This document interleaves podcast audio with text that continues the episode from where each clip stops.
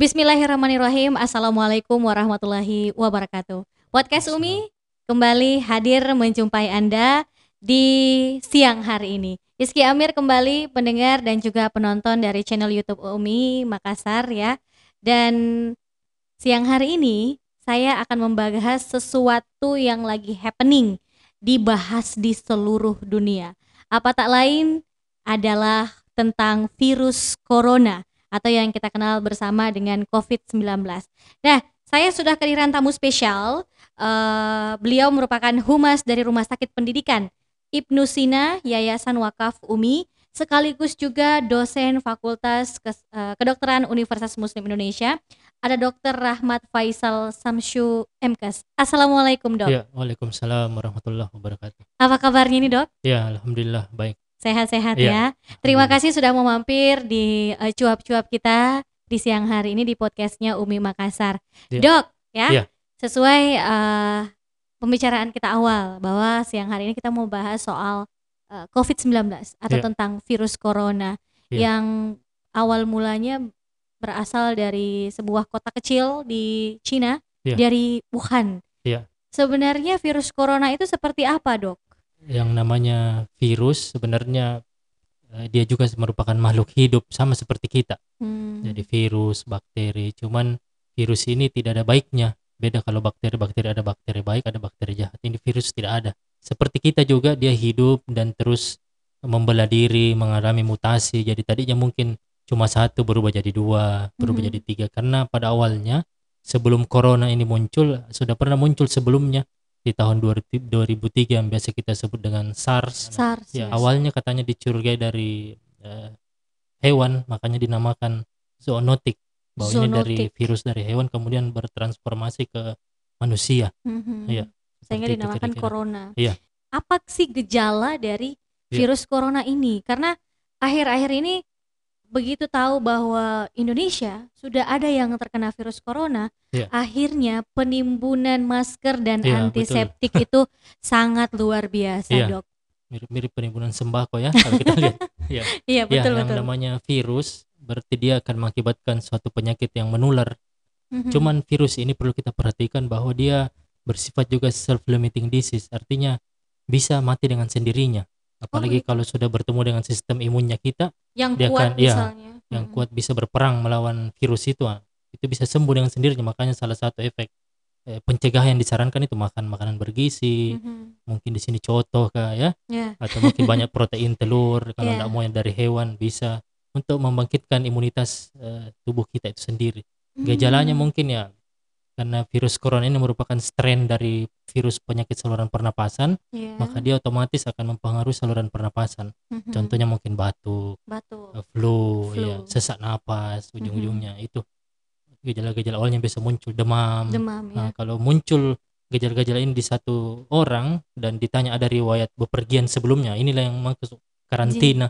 Seperti ya SOP-SOP yang berlangsung selama ini. Mm-hmm. Tapi jangan jangan sampai masyarakat punya opini juga setiap ada demam sedikit dia rasa batuk eh corona lagi pikirannya sudah ke sana lagi itu yang ya, salah itu, itu yang, yang keliru ya iya. jadi memang harus uh, komplit misalnya ya. demam batuk, batuk flu, flu kemudian uh, ada muncul sesak napas sesak iya, nafas ya, gitu. kalau sudah ada gejala itu ya. ya misalnya kita kan baru kena satu hari nih dok ya. kapan saya harus ke dokter misalnya kalau dia merasa bahwa uh, dia sedang terinfeksi oleh ada ya. empat gejala tadi ya. ya. Di hari pertama mungkin ketika virus ini benda asing ya yang masuk ke tubuh kita, tubuh kita kan punya tentara-tentara. Mm-hmm. Ada yang spesifik sama non spesifik. Salah satu responnya mungkin ketika virus ini hinggap di saluran pernapasan kita mungkin kayak di hidung atau tenggorokan itu batuk. Makanya mm-hmm. hari pertama mungkin muncul batuk.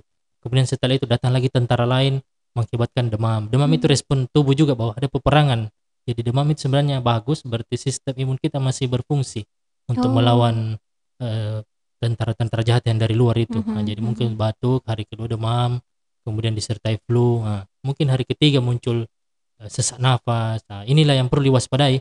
Mm-hmm. Karena mungkin kalau kita menunggu respon tubuh kita sampai satu minggu, biasanya satu minggu baru terbentuk sempurna, mm-hmm. itu bisa berujung pada kematian. Banyak oh. orang yang tidak sampai ke fase satu minggu atau tujuh hari itu mm-hmm. sudah meninggal padahal di hari ketujuh biasanya respon imun kita bisa mengalahkan uh, virus yang sudah masuk itu. Mm. Salah satunya mungkin didukung karena apa? Sistem imunnya yang rendah, kurang Hmm. makan bergizi, kemudian mungkin berada di daerah yang betul-betul terisolir dengan virus tersebut. Nah, Hmm. itu bisa mendukung semakin membuat parah sistem imun eh, yang bersangkutan. Jadi sebaiknya hari keberapa Ya, begitu kita jadi kalau kita mulai harinya biasanya kalau sudah muncul gejala yang tadi kita ceritakan hari keberapa pun langsung dan ada riwayat dia keluar kota atau interaksi dengan yang dicurigai mungkin sebelumnya disebut di berbagai media terinfeksi corona ya harus langsung segera ke dokter. Sebenarnya penyebab dari virus corona kan tadi kita sudah membahas di awal ya. Iya. Tapi diagnosis dari virus corona itu seperti Iya. apa, Dok? Jadi ketika kita menegakkan diagnosis kembali ke gejala-gejala awal tadi itu. Hmm, ada hmm, batuk, demam, flu, kemudian sesak dan dida- didukung dengan beberapa pemeriksaan penunjang. Hmm, seperti mungkin radiologi, ada foto toraks, kemudian tes serologi, ambil serum di darah. hmm, Ada juga kadang eh, tes usap tenggorokan. Ketika semuanya positif dan digabung jadi satu, ada ditambah lagi ada riwayat bepergian atau berinteraksi dengan yang dicurigai corona, maka ditegakkan diagnosis ya. Jelas ya. Tapi ujung-ujungnya ini akan mengarah ke banyak ke arah pneumonia dari infeksi parenkum paru itu sendiri. Makanya di Cina itu dinamakan corona pneumonia virus. Oh. Jadi ujung-ujungnya yang ditakutkan ini ke paru-paru. ke paru-paru pneumonia ini. Ini yang bisa Pneumonia. mengakibatkan nanti kematian. Karena bayangkan kalau dia menginfeksi sampai sel-sel eh, kecil atau alveolus di paru itu akan sesak, otomatis tidak bisa bernafas, ah. bisa meninggal. Tapi sebenarnya kalau di Ibnu Sina sendiri, Dok, Iya. eh, apakah sudah ada hal-hal yang diantisipasi oleh Rumah Sakit Ibnu Iya. Sina Yayasan Wakaf Umi? Iya. Kalau misalnya ada eh, pasien atau calon pasien yang datang ke rumah sakit. Eh, sejauh ini sejak berita yang dirilis oleh 01 kita Pak Presiden bahwa ada sudah ada dua WNI yang terinfeksi virus eh, corona ini, kita Mhm. langsung membuat edukasi ke lapangan misalnya berupa banner, kemudian selebaran dan video-video edukasi yang disebar ke berbagai media sosial. Itu yang kita lakukan. Jadi upaya promotif dulu Mm-mm. mengedukasi ke masyarakat bahwa ini loh corona, ini gejalanya, ini yang harus dihindari itu yang kita lakukan. Yang kedua, yang dilakukan oleh bagian pelayanan medis di Rumah Sakit Nusina itu menginstruksikan dokter-dokter di UGD kan UGD adalah pintu masuk Iya. pertama setiap pasien mana pun datang Betul. menginstruksikan semua dokter UGD bahwa ketika ada gejala pasien yang masuk dengan gejala demam, kemudian flu, itu biasa langsung dirujuk ke radiologi untuk dilakukan pemeriksaan radiologi, foto Mhm. toraks ya. Atau ronsen kita mungkin ya, ya. ronsen Jadi itu. itu yang dilakukan oleh Iya. eh, Rumah Sakit Ibnu Sina ya. Eh, dari awal sejak eh, dua orang positif Iya. terkena corona, Indonesia kan sudah disampaikan bahwa tidak perlu pakai masker kalau Iya, sehat. Iya, betul. Nah, so pertanyaannya adalah apa yang harus kita lakukan ya Iya. kalau kita tidak mau terinfeksi virus corona? Yang pertama mungkin langkah pertama ya cuci tangan. Jadi cuci tangan ini sangat penting. Mhm. Mau pada saat beraktivitas dan sebelum pakai masker ternyata kita harus cuci tangan juga. Oh, Jangan begitu. sampai tangan kita ini memegang masker yang tadinya masker itu steril, Mhm. tangan kita belum dicuci kita pegang, ternyata ada virus atau bakteri dan kita pakai masker itu berarti sama juga. sama Ikut saja. juga numpang di situ. Jadi langkah pertama adalah cuci tangan, tapi bukan sembarangan cuci tangan karena di sini kita harus memakai hand sanitizer yang Oke. punya kadar alkohol sekitar 70 sampai 75 persen. Tapi kalau cuci tangan pakai air gimana, Dok? Iya. Pakai sabun cuci tangan. Eh, menurut ya kalau pakai sabun cuci tangan dan ada mengandung alkohol mungkin atau etanol itu bisa membunuh virus tersebut Nah, itu. Jadi Iya. memang harus menggunakan ada kadar Iya. eh, alkoholnya. alkoholnya kemudian Mhm. antiseptik ya yang, Mhm. yang bisa membunuh virus bakteri di lapisan-lapisan kulit Eh, selain cuci tangan, Cuci tangan, apa ya. lagi? ya yang kedua mungkin ya memakai masker, Pakai masker. sudah betul tadi cuma memang himbauan dari Kemenkes bahwa masker ini diperuntukkan untuk orang-orang yang sakit Mhm. tapi kalau memang rasa sakit boleh pakai masker dan kalau memang tidak sakit tapi akan bepergian keluar kota mungkin atau keluar provinsi lintas provinsi ya boleh menggunakan masker karena akan berinteraksi sama orang banyak di bandara mungkin di pelabuhan itu boleh memakai Mhm. masker. Tambahan juga untuk masker ini dia bertahan menurut penelitian sekitar 4 sampai 6 jam saja. Oh, Jadi kalau sudah 6 jam biasanya harus dibuang. Makanya Dibuang? dia sekali pakai ya 6 jam. astaga. Kadang kan orang sekarang simpan di kantong, Iya. besok dipakai lagi. Iya. Tiga. Ini justru tadi penyakit ini. Masih masker, bisa dipakai. Pakai lagi ya. Oh, jadi Iya. ada waktunya Iya. ya. Untuk- Walaupun kita di dalam ruangan, Dok. walaupun dalam ruangan. Jadi Ya, harus kan diganti. Kita bernafas juga terus mengeluarkan bakteri ke virus yang kita tidak sadari dia bisa hinggap di masker itu makanya harus diganti. Oh, tetap harus Dengan- diganti iya, ya. 4 Tapi kita 6 jam. lihat sekarang ini kan banyak sekali model-model masker, masker ya. yang beredar. Iya, Bahkan betul. mungkin eh, Dokter Ical sudah pernah lihat di salah satu penyiar atau reporter salah satu Iya. televisi di Indonesia itu menggunakan kayak masker perang. Masker, iya. Itu gimana dok? Iya, ada mungkin masker medis atau mungkin masker N95, N100 itu.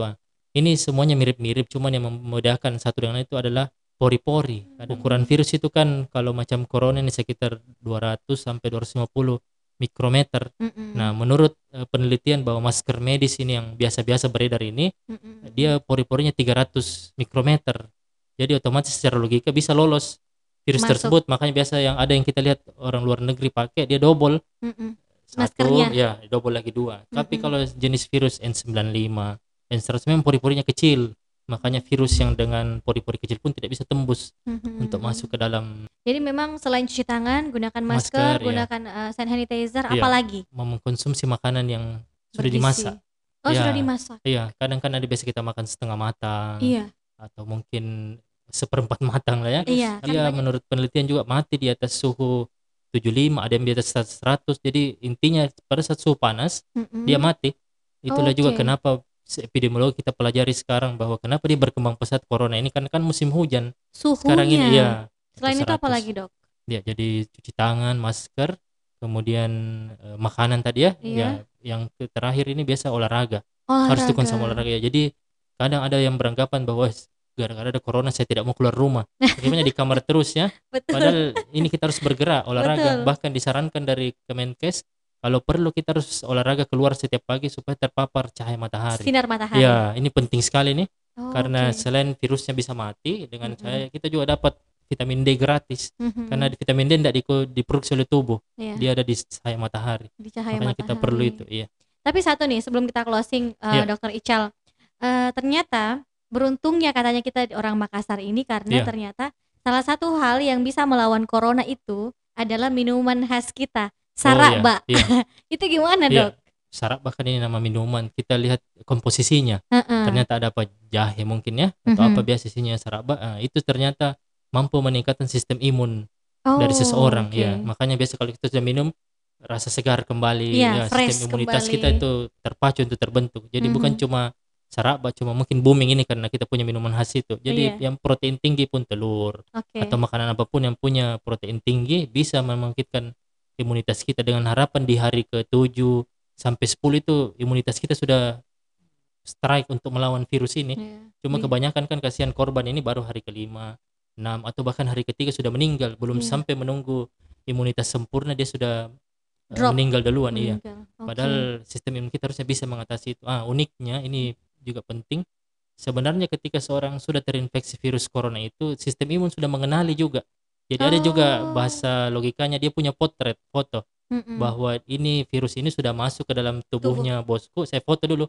Nah, Mhm. ketika dia terinfeksi yang kedua kali, Iya. itu akan susah lagi berulang pada dirinya karena imunitas sudah membentuk sel memori untuk Mm-mm. membaca bahwa kau sudah pernah hadir di sini ketika kehadiran kedua ya tentara sudah waspada dari awal bahwa ini sudah pernah bikin masalah dulu dia datang lagi kita sudah antisipasi lebih jauh lagi Oh, Iya. jadi bisa jadi seperti ini. Orang yang sudah terkena uh, virus corona yang sembuh, ya sembuh itu uh, kemungkinan Iya. kenanya lagi itu tipis. tipis dia memiliki antibodi untuk melawan eh, corona berikutnya yang akan datang Oke, tapi oke. jangan juga memandang sebelah mata ya bahwa "Eh, saya sudah kena ini Tidak akan kena lagi. mengabaikan cuci tangan Heeh, masker heeh, heeh. tidak seperti itu ya Tetap ya. Iya. Terakhir nih Dok Iya. Ical, uh, pesan untuk uh, seluruh pendengar podcast Umi dan juga penonton dari channel Umi Makassar, uh, kita harusnya bijak menghadapi Iya. yang namanya penyakit virus corona ini. Seperti apa?